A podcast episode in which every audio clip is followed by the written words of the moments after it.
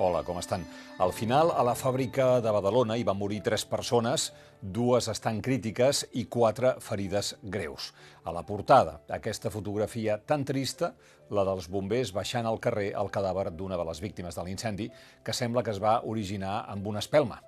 Avui els mitjans expliquem que la majoria d'ocupants de la nau eren migrants que feia més de 8 anys que vivien en aquesta fàbrica, o seria més exacte dir que hi malvivien, perquè no tenien aigua, sembla que en alguns racons sí que hi havia eh, llum, punxada de mala manera, vés a saber si en el fons aquella explosió que hi va haver al principi i en general tot l'incendi es va originar per una causa més contundent com això, com, com una llum punxada. La majoria de les persones que dormien a la nau van començar a notar que l'espai se'ls omplia de fum, van saltar per la finestra, els que estaven en un segon pis no es van fer res, més enllà del cop, uns que es van llançar des del quart pis van morir.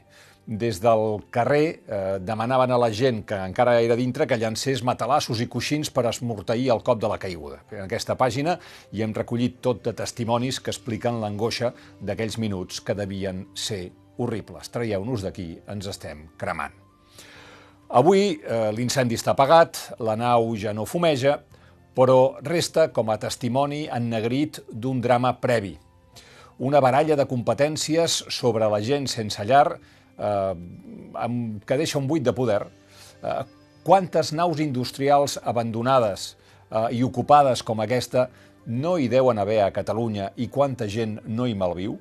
Perquè, és clar, nosaltres, dir, vostè i jo, coneixem totes aquestes persones, les coneixem perfectament. Són els que van amb el carretó del súper recollint ferralla pel carrer, són els del top manta, els venedors ambulants, els carrers en van plens. Són persones eh, que, i per tant, no, no van pel carrer de dia i de nit ja no existeixen. En algun lloc han de trobar un recer nocturn.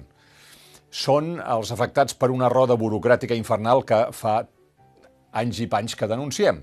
Com que no tenen papers no poden treballar, com que no poden treballar no tenen papers ni integrar-se el que en podríem dir una vida econòmica més o menys normal. Però són aquí, entre nosaltres.